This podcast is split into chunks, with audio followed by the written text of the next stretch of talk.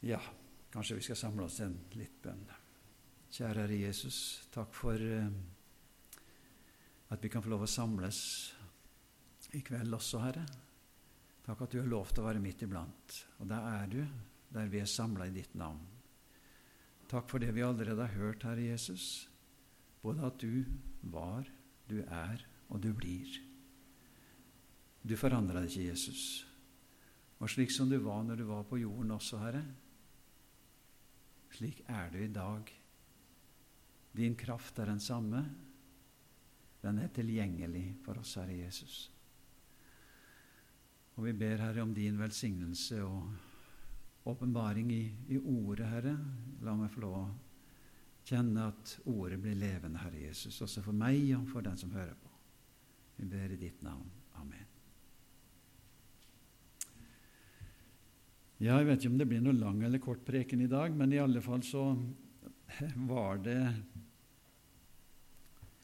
eh, et vers som eh, jeg kom til å tenke på, og som vi finner i Johannesevangeliet, det tiende kapitlet. Og eh, ifra Ja, det er jo spesielt ett vers, men vi skal ta med oss en tre vers der fra vers 40. Johannes 10, 40. Så dro han igjen over til den andre siden, altså Jesus, andre siden av Jordan, til det sted der Johannes først var og døpte. Der ble han en tid.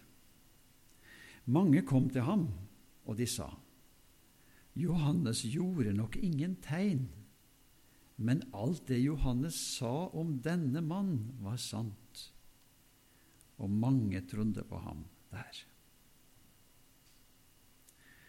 Og det verset som kom til meg, eller den linja, det var jo akkurat det der at Johannes gjorde nok ingen tegn, men alt det Johannes sa om denne mannen, altså om Jesus, var sant.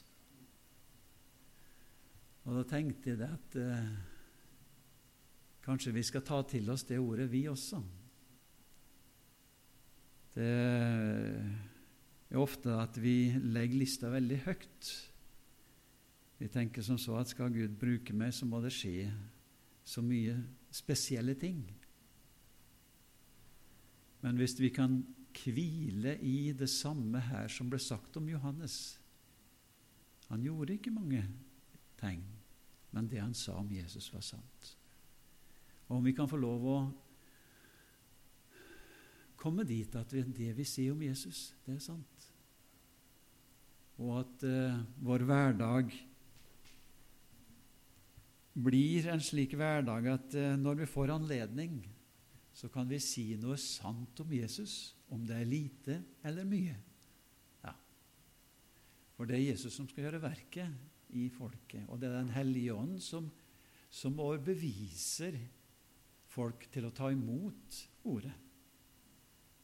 Og så skal vi bare få lov å bruke de anledningene som eh, Herren gir oss. Og Han gir oss nok mange flere anledninger enn vi bruker, men slik er det for oss alle sammen. Vi får be om nåde til å, å kunne gå inn i de anledningene som Han gir oss.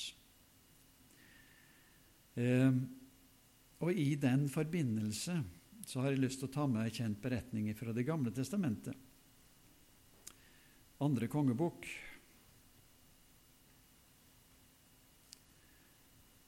For Jesus han eh, ønsker å bruke oss alle sammen.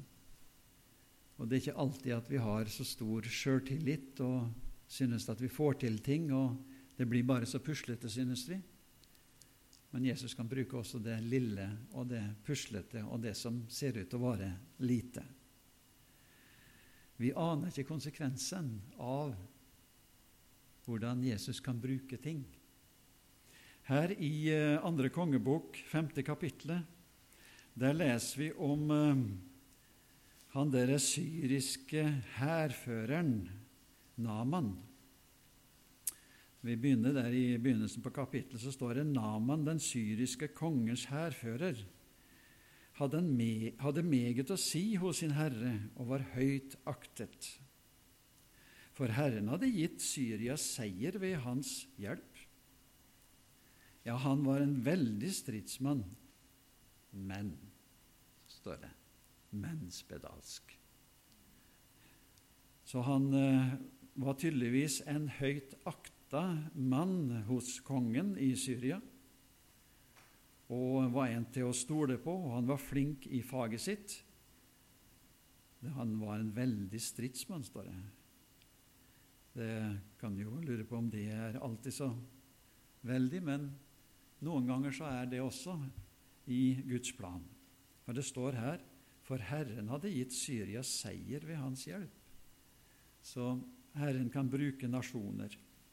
Men i alle fall, han herre stridsmannen, han hadde et problem, og det var at han var spedalsk. Og så ser vi her at eh, det hadde vært noe herjetokter da, eh, tidligere. Og Det står i vers 2 syrerne hadde en gang gjort her, et herjetog og bortført en liten pike som fange fra Israels land, og som nå tjente hos Namans kone.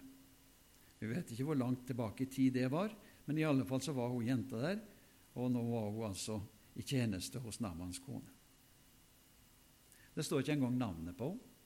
Det står bare ei lita jente. Og så er det at hun får greie på, eller vet om den situasjonen som uh, Naman er i. Og Vi kan jo kanskje tenke slik at når hun var i fangenskap og visste hvordan hun hadde kommet dit, så kunne hun vel også tenke som så at uh, ja, det var til pass. Det er han Naman som har ført meg bort fra hjemlandet mitt. Hun trengte ikke å føle noe synd på han i hele tatt, men det gjorde hun. Hun hadde et spesielt hjerte, men det var nok i tråd med Guds tanke. For vi vet ikke hva som rører seg i mennesker, selv om det ser mennesker som vi ser kanskje både uimottakelige og motstandere og ja, skal si farlige ut så ser Gud lengre. Og Det er det vi får et innblikk i her. Så er det altså hun jenta som har det hjertet at hun vil hjelpe han der eh, Naman. Hun snakka med kona til Naman om at i Israel så fins det en profet. Og hadde han vært der eller Det står her i vers 3 Hun sa til sin frue, bare min Herre var hos profeten i Samaria. Da skulle nok han bli fri, eller fri ham fra spedalskheten.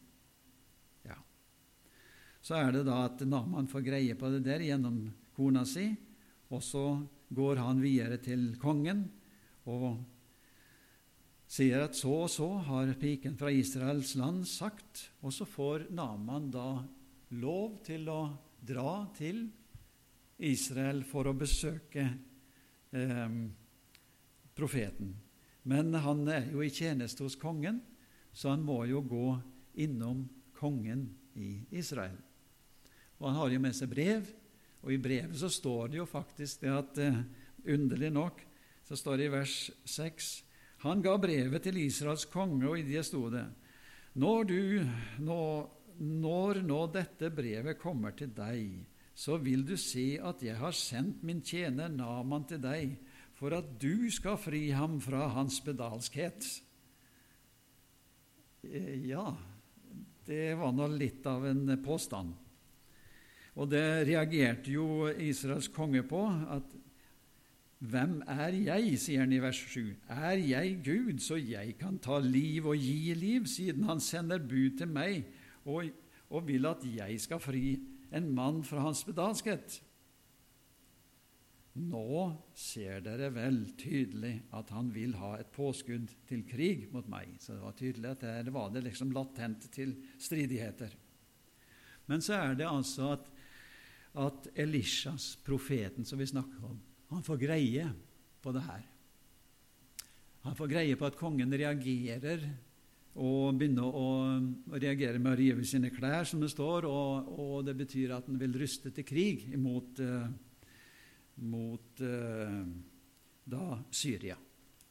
Men så er det noe med det at det er godt å ha noen gode råd, noen som gir råd. Og da var det at eh, at, Elish, ja, at profeten fikk greie på det. Og så går han til kongen, og så lurer han på hvorfor er det sånn at du reagerer sånn som det der. Og Så får han greie på det, og så står det 'La han komme til meg, så skal, jeg, skal han kjenne at det er en profet i Israel'.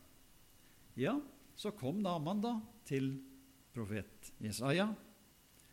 Og eh, Naman han hadde jo da sett for seg en spesiell måte han skulle bli helbreda på. Han kommer jo da til huset til eh, profeten, og så står det i vers 10.: Og Elisha sendte et bud ut til ham og sa:" Gå og bad deg sju ganger i Jordan, så skal ditt kjøtt bli frisk igjen, og du skal bli ren. Men det var nedverdigende for Naman. Ikke bare det at han fikk beskjed om å gå og vaske seg i ei skitten elv, men det at til og med profeten ikke kunne engang komme ut, men bare sendte bud til ham. Og han hadde forventa, som det står her i vers 11, da ble Naman vred og dro bort og sa, Jeg tenkte at han ville komme ut til meg og stå foran og påkalle Herren sin Guds navn og føre hånden fram og tilbake over det syke stedet og ta bort spedalskheten. Og så snakker han om har vi ikke vi renere elver å bade i. Så ble han så sint at han snudde hesten og var på vei hjem igjen. Men det var det jeg skulle til å si i stad. Det er godt vi har noen rådgivere. Noen gode rådgivere. Og de sa til han hadde profeten bedt deg om å gjøre noe veldig vanskelig, hadde du gjort det da? Han hadde sikkert det. Men nå ber han om bare å gjøre noe enkelt. Hvorfor gjør du ikke det? Og det, det der fikk Naman til å snu, og så gjorde han det. Og så skjer det akkurat det som, eh, som profeten hadde sagt. Han skulle bli ren. Han ble ren, gullende ren. Det står som huden på en ung gutt.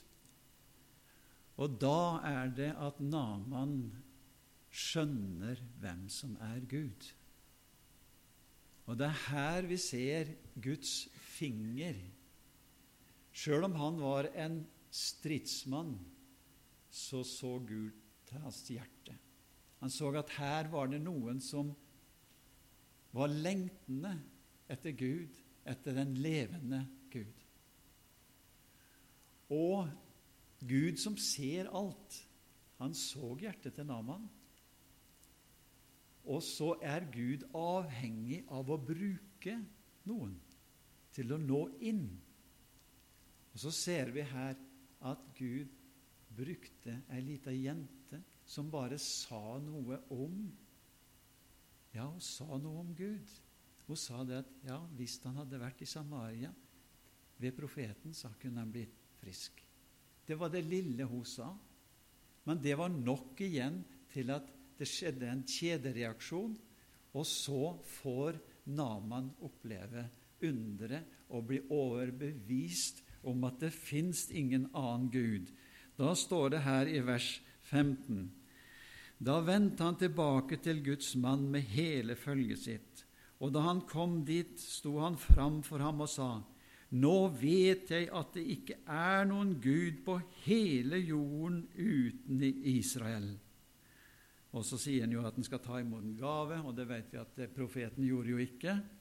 Og, men altså, vi ser her at Gud gjør et under ved hjelp av en lita jente.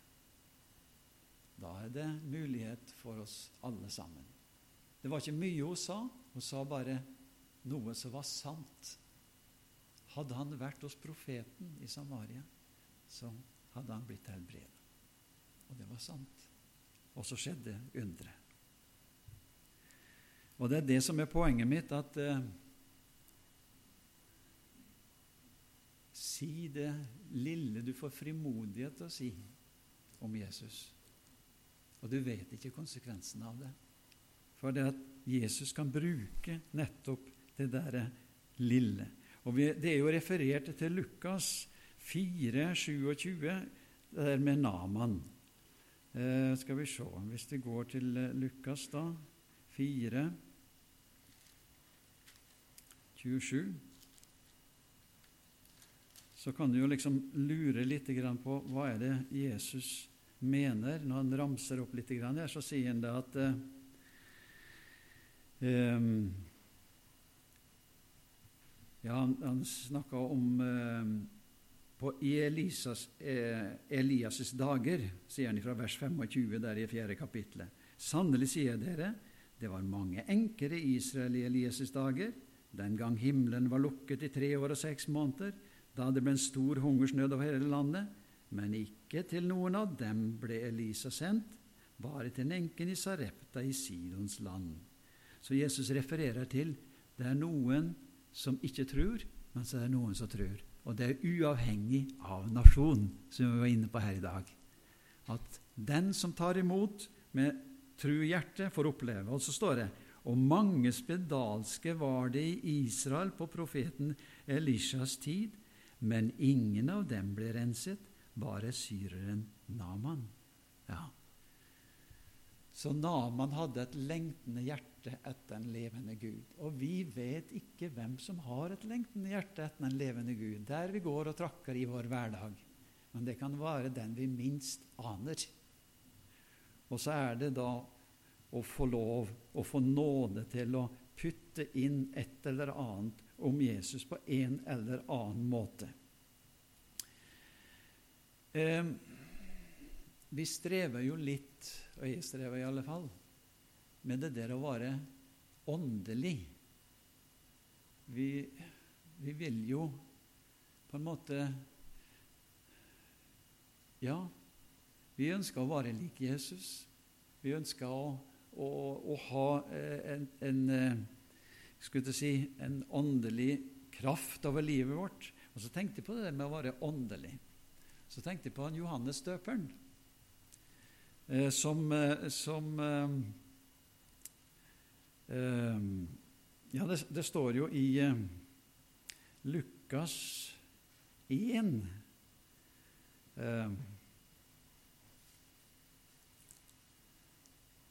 Eh, skal vi se Lukas 1 så står det om eh, da, da Johannes eh, at det ble profetert om at han skulle bli født. Det står løftet om døperen Johannes i, der fra vers 5. Og vi kjenner jo til det som skjedde der med far til Johannes, som er i tempelet, som hadde sin eh, oppgave der og skulle ofre. Og, så så er det en engel som åpenbarer seg for Sakarias der i tempelet. Og så kan vi lese da i, eh, fra vers 12 i det første kapitlet i Lukas. Zakaria ble forferdet da han så ham, og frykt falt på ham. Men engelen sa til ham, Frykt ikke, Zakaria, for din bønn er hørt. Din hustru Elisabeth skal føde deg en sønn, og du skal gi ham navnet Johannes. Han skal bli deg til glede og fryd, og mange skal glede seg over hans fødsel, for han skal være stor for Herren. Vin og sterk drikke skal han ikke drikke, og han skal bli fylt av Den hellige ånd like fra mors liv av.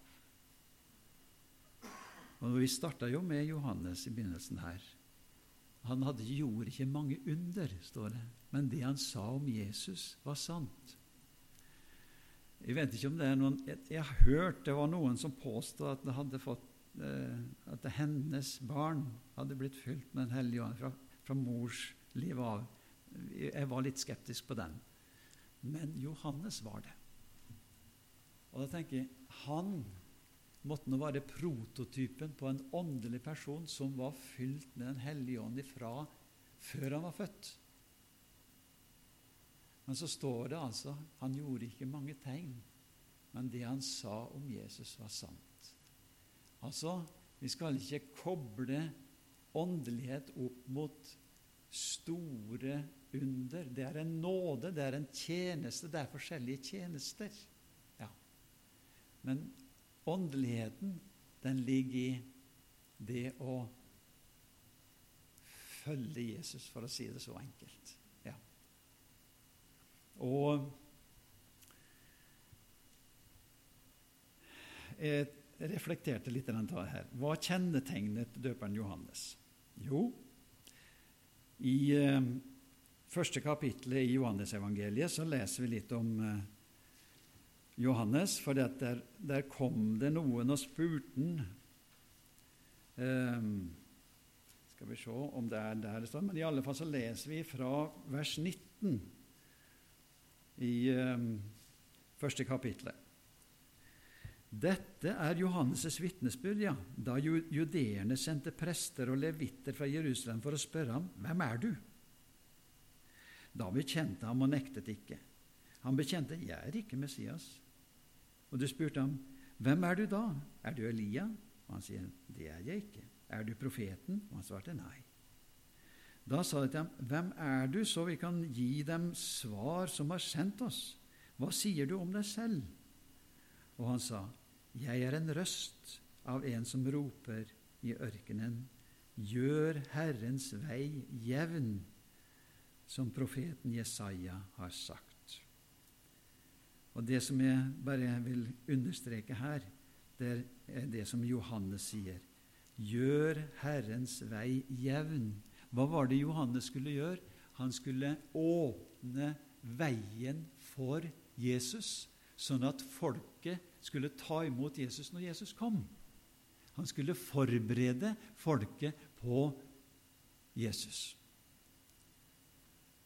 Hva er det vi skal gjøre? Vi skal også åpne veien for Jesus. Og Det er en eller annen sang, et eller annet vers, som snakker om at når Jesus får komme til, så trekker vi oss til side, så han får gjøre sitt verk. Altså, vi skal åpne veien, så Jesus får komme til, og så skal vi trekke oss til side. Vi, vårt, vår oppgave er at Jesus skal bli kjent for vedkommende. Eh, hva var det annet? Ja, Johannes gjorde jo mange ting, men vi kan ta med oss eh, I det 29. verset så står det slik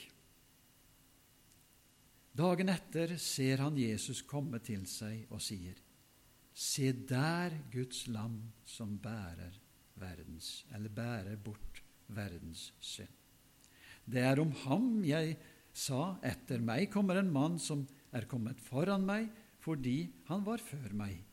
Og jeg kjente ham ikke, men for at han skulle åpenbares for Israel, derfor er jeg kommet og døper med vann.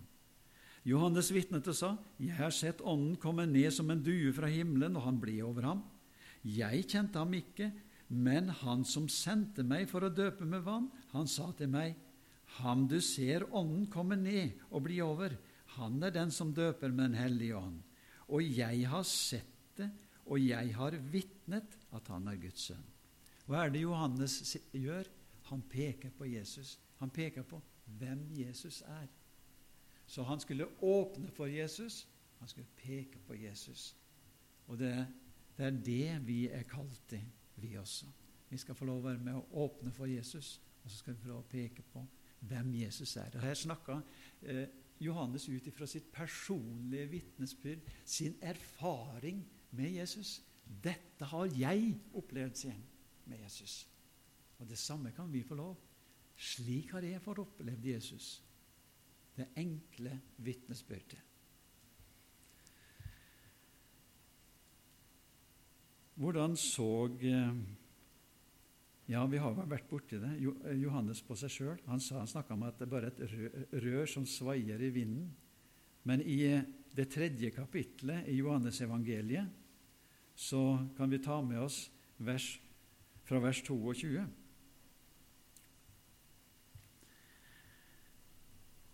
Etter dette gikk Jesus og disiplene hans til Judealandet. Der ble han en tid sammen med dem og døpte. Men også Johannes døpte i Ainon, nær Salim, for det var mye vann der, og folket kom dit for å bli døpt. For Johannes var ennå ikke kastet i fengsel. Det ble nå en trette mellom Johannes' disipler og en jøde om renselsen. Og de kom til Johannes og sa til ham, Rabbi, han som var hos deg Og nå refererer de til Jesus. Han som var hos deg på den andre siden av Jordan. Han som du vitnet om. Se, han døper, og alle kommer til han. Johannes svarte og sa, Et menneske kan ikke få noe om det ikke er gitt ham fra himmelen. Dere er selv mine vitner at jeg sa, jeg er ikke Messias, men jeg er utsendt foran ham. Den som har bruden, han er brudgommen, men brudgommens venn, som står og hører på ham, er full av glede over å høre brudgommens røst. Denne min glede er nå blitt fullkommen. Og Han refererer til Jesus, som er brudgommen, og bruden er jo de som tar imot. Og så sier han de, det verset som jeg var ute etter. Han skal vokse, og jeg skal avta. Hvordan så Johannes på seg sjøl? Han var ikke fokus på seg sjøl, men var fokus på Jesus. At Jesus skulle bli stor. Og Dette er også en tale til meg og deg at la ikke fokuset være på at jeg er noe spesielt. Men når folk er i nærheten, eller du får nåde til å si noe om Jesus, så sitter de igjen et, et inntrykk av ja, det er noe med den derre Jesus. Altså, Vi er jo bare alminnelige mennesker som både gjør feil, og, og vi er på denne jorden her. Men hvis folk kan få et inntrykk av at det er en stor Jesus du tror på, en levende Jesus du tror på, da har du oppnådd det som Jesus vil. Han skal vokse, og jeg skal avta. Og så sa jo Johannes noe der som er så viktig for oss alle sammen. Et menneske kan ikke få noe om man ikke er gitt ham fra himmelen. Har vi fått nåde, vi har fått en tjeneste, vi har fått en oppgave, vi har fått opplevd ting, men det er bare av nåde. Alt det vi har fått, det har vi fått ifra Gud. Så vi har ikke noe å rose oss av sjøl. Ehm, så jeg har bare skrevet her Hva kjennetegner en kristen? En som er glad i Jesus. Så enkelt. En som vil leve slik Jesus vil. En som ønsker å formidle Jesus til andre. Den første setninga som er skrevet her, 'en som er glad i Jesus', da erindra jeg en fortelling som hun Marit Landre fortalte oss når vi gikk på Bibel- og misjonslinja på Hedmarktoppen. Hun er jo lærerutdanna, så hun gikk jo på lærerskolen i Volda. Og så var det vel en dag at uh, hun møtte en kollega da, på, på, skolen. Og så samtidig så kommer det en uh, gutt bort til dem. Og han uh, er kanskje av liksom de som Ja, ja, hadde ikke all bagasje, men i alle fall han hadde gått i menigheten, han hadde lært Jesus å kjenne, han var glad i Jesus. Så går han bort til disse to som står der, og Marit refererer seg. Han sier til Marit, 'Er du glad i Jesus?' Og Marit måtte liksom hva skulle, hva skulle, hun si? For her sto kanskje hun sto ved siden av en kollega som ikke trodde på Jesus. Og det ble liksom Hun måtte bare akseptere. Ja, ja, jeg er glad i Jesus. Men det der å tørre å si det når du blir konfrontert med det Er du glad i Jesus? Ja, jeg er glad i Jesus. Men det er noe med Jesu navnet som uh, gjør at vi liksom vil unngå å nevne det. Men la det være slik at vi er kjennetegna for en person som er glad i Jesus. Ehm, I andre Tessalonikerne så står det et enkelt vers der som vi skal bare referere til, eller skal lese det her. Andre Tessalonikerne og det andre kapitlet. Skal vi se. Og der er det at eh, Paulus ber for de troende. Og i vers 16 så står det:" Men han selv vår Herre Jesus Kristus og Gud vår Far, Han som elsket oss og ga oss et evig trøst og et godt håp i nåde, må Han trøste deres hjerter og styrke dere i all god gjerning og tale. Altså, vi skal få lov å være med og vitne om Jesus først og fremst gjennom den måten vi lever på, men som noen har sagt, om nødvendig også å si noe. Men det er først og fremst gjennom vår måten vi håndterer situasjonen vi er sammen med de som ikke tror. At uh, på en eller annen måte så legger de merke til at det, vi har noe som ikke de har, ut ifra det eh, reaksjonsmønsteret som vi har. Og da er det, som Paulus her ber om, at må Han trøste deres hjerter og styrke dere i all god gjerning og tale. Og Jesus har jo gjort det slik for oss, som det står i Efeserbrevet. Ehm, det var det i det andre kapitlet, det også. Efeserne 2. Hva er først og fremst vår tjeneste? Jo, i det tiende verset så står det der i Efeserne 2. For vi er Hans verk, skapt i Kristus Jesus. Til hva for noe? Til gode gjerninger. Ja. Ikke først og fremst til å preke, sjøl om vi skal tale, men til gode gjerninger, står det. Som Gud forut har lagt ferdige for at vi skulle vandre i dem. Så da skal vi få lov å tro det at eh, når vi ber og legger dagen i Jesus sine hender, så skal vi få lov på en eller annen måte å gi et lite vink om Jesus.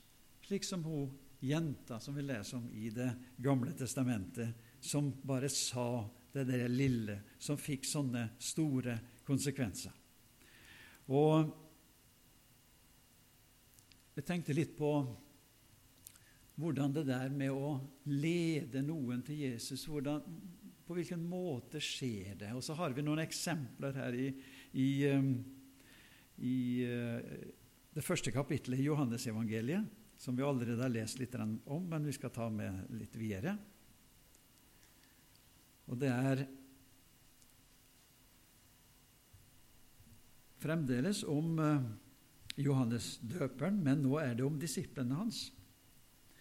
I, eh, fra vers 35 i første kapittelet i Johannes så står det Dagen etter sto Johannes der igjen og to av hans disipler. Da han fikk se Jesus som kom gående, sa han, Se der, Guds lam! De to disiplene hørte det han sa, og de fulgte etter Jesus. Jesus vendte seg og så at de fulgte etter ham, og han sier til dem, Hva søker dere? Det sier han. Rabbi, det betyr mester, hvor, hvor bor du? Han sier til dem, kom og se. Og de kom da og så hvor han bodde. Og de ble hos ham den dagen. Det var omkring den tiende time. Er det noen som vet når den tiende timen er? Når, når begynner de å regne dagen? Det er klokka seks eh, som den begynner å regne dagen, og den tiende timen det var altså klokka fire på ettermiddagen. Den ble hos Jesus den dagen, står det. Eh, så, er, så, står det det at Andreas var en av de to som hørte det Johannes sa. Altså Han var en av de som fulgte etter Jesus. Hva er det han gjør etter at han har hatt denne dere, vært på besøk hos Jesus? Jeg vet ikke hvor lenge de var hos Jesus. Det står at de ble hos ham den dagen. Og det må ha overbevist Andreas hvem Jesus var. Etter den stunda og etter den samtalen med Jesus, så er det at det står Han finner først sin bror Simon og sier, 'Vi har funnet Messias.' Det betyr Kristus. Og så står det, han førte ham til Jesus, og Jesus så på ham og sa, du er Simon Johannes' sønn. Du skal kalles Kefas. Det betyr Peter. Hva var det Andreas gjorde her? Jo, Han førte Peter til Jesus, slik at Peter kom inn i Guds plan med sitt liv. Hører vi mye om Andreas i eh, evangeliet? Nei, men vi hører om Peter. Det, men det var altså noen som leda Peter til Jesus. Og slik er det. Vi kan få være med og lede noen til Jesus som får større betydning enn oss sjøl. Og det er tydelig at det er det som har skjedd her. Han fikk lov å lede Peter, så han kom inn i den tjenesten som han skulle ha. Han fikk lov å være sammen med Jesus i tre år, og så seinere fikk en aposteltjeneste. Eh, vi leser om en annen i samme, eh, i samme kapitlet. Dagen etter, står det i vers 43, ville altså Jesus dra til Galilea. Så finner han Philip, og Jesus sier til ham, 'Følg meg.' Og Philip, som var fra Betzaida, fra Andreas og Peters by, står det, eh, han igjen Etter at han har møtt Jesus, så finner han tak i Natanael. Og så vitner han for Natanael som sier han som Moses har skrevet om i loven, og som profeten har skrevet om, han har vi funnet, Jesus, Josefs sønn fra Nasaret. Og Natanael sier, kan det komme noe godt fra Nasaret? Philip sier, kom og se, da. Hvis du er litt skeptisk, kom iallfall og bli med på møtet.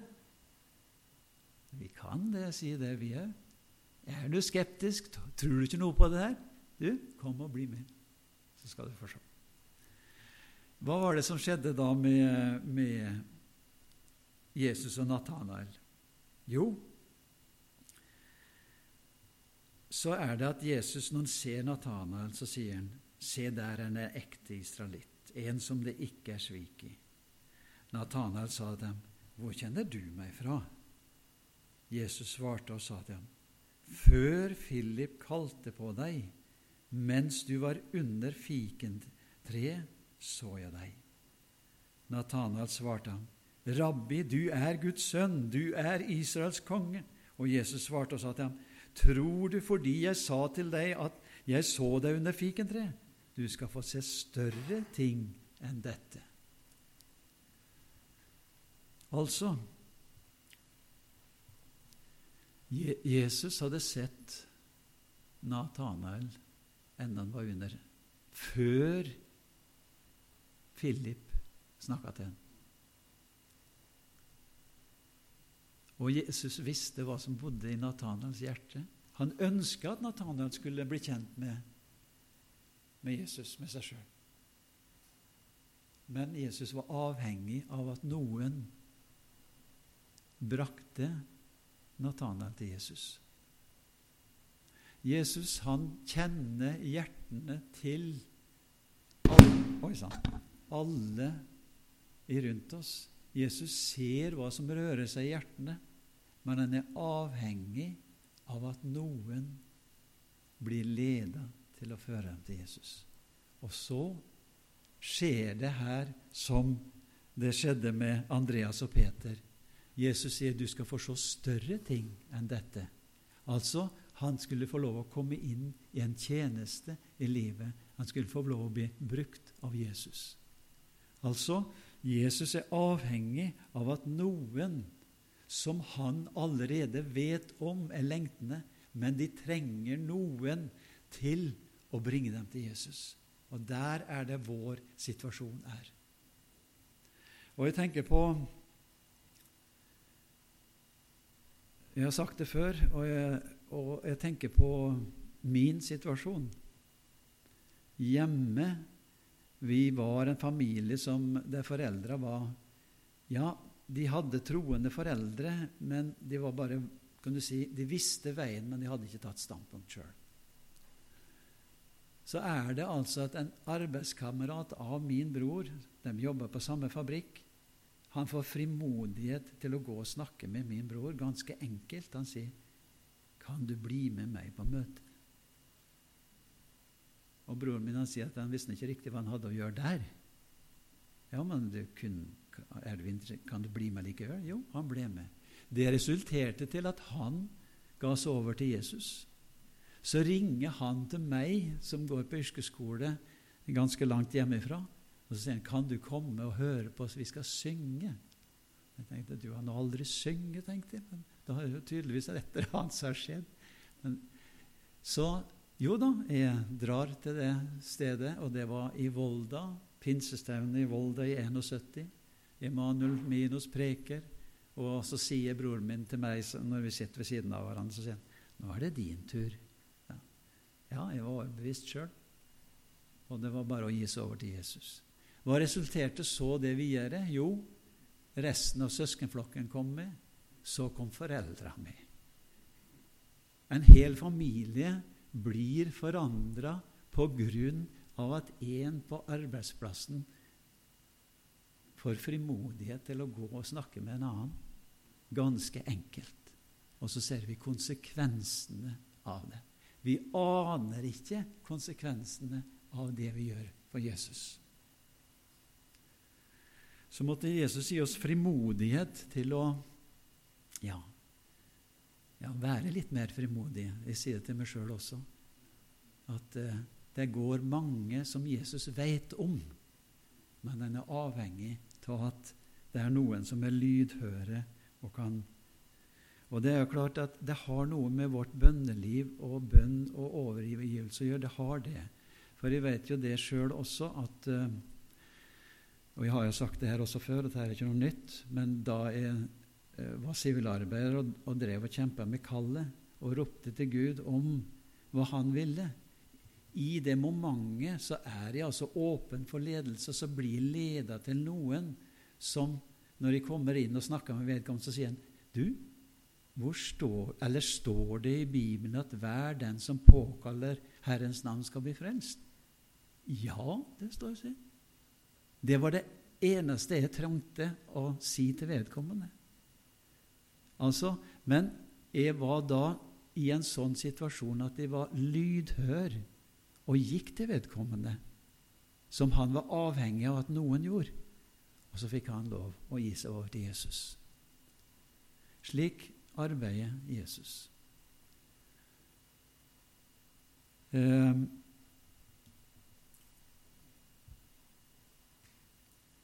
vi vet om uh, kvinnen ved Sykarsbrønn. Hun eh, dro bort til, eh, hjem, til byen sin etter at hun hadde møtt Jesus, og fortalte om hva som hadde skjedd. Og de kommer, og de hører på Jesus. Og de, kommer, de, de, blir på en måte overbevist av henne, så de følger henne, og de, de drar bort for å høre på Jesus. Og så sier at så sier de nå tror vi ikke bare på grunn av det du sa, men nå har vi fått erfart sjøl han er Messias. Og slik er det. Vi skal få lov å vitne først og lede dem til Jesus, så skal de sjøl få lov å oppleve at Jesus, han er virkelig Guds sønn. Så må Jesus få gi oss frimodighet. Og jeg, jeg tenkte på Eller det, det kom for meg, hvis vi tar med oss helt det til slutt, i Markus 5. Det er litt uh, interessant, det der. I Markus 5, 15 Skal vi se Der leser vi om han som uh, var besatt. Og Jesus satte den jo fri. Og uh, så er det helt på slutten i den beretninga der så leser vi fra Markus 5, 16. De som hadde sett det, fortalte dem hvordan det var gått med den besatte, og hva som var skjedd med svinene. Og de begynte å bønnfalle han om å dra bort fra bygdene deres. Det var jo underlig at han ikke ville ha Jesus der, men i alle fall så gjorde han det. Det var kanskje noe at det gikk utover svineflokken, det vet ikke jeg, men i alle fall så står det Da han gikk i båten, ba ba han som hadde vært besatt, om å få bli med Jesus. Han hadde jo nå fått opplevd å komme til sans og samling. Han hadde fått livet på nytt ifra Jesus. Og så ville han bli med Jesus. Det var jo helt naturlig. Han ville bli med disiplene, ville være med på det som skjedde med Jesus og disiplene, og kanskje vitne om det som hadde skjedd med han. Men så sier Jesus noe han, i vers 19. Han lot ham ikke få lov til det, men sa til ham, Gå hjem til dine egne og fortell alt det Herren har gjort for deg, og at Han har vist barmhjertighet mot deg. Og han gikk da av sted og begynte å gjøre kjent i Dekapolis alt det Jesus hadde gjort for ham, og alle undret seg. Altså, han fikk lov å være et vitne hjemme, blant sine egne, de som kjente han, de som visste hvordan han hadde vært før. Og det var det sterkeste vitnesbyrdet. Så Jesus han ønska å bruke oss. Så vær frimodig, be om ledelse, be om kraft. Det er mange, mange i øyer også som skal være med og fylle lokalet her. Gud velsigne oss alle sammen.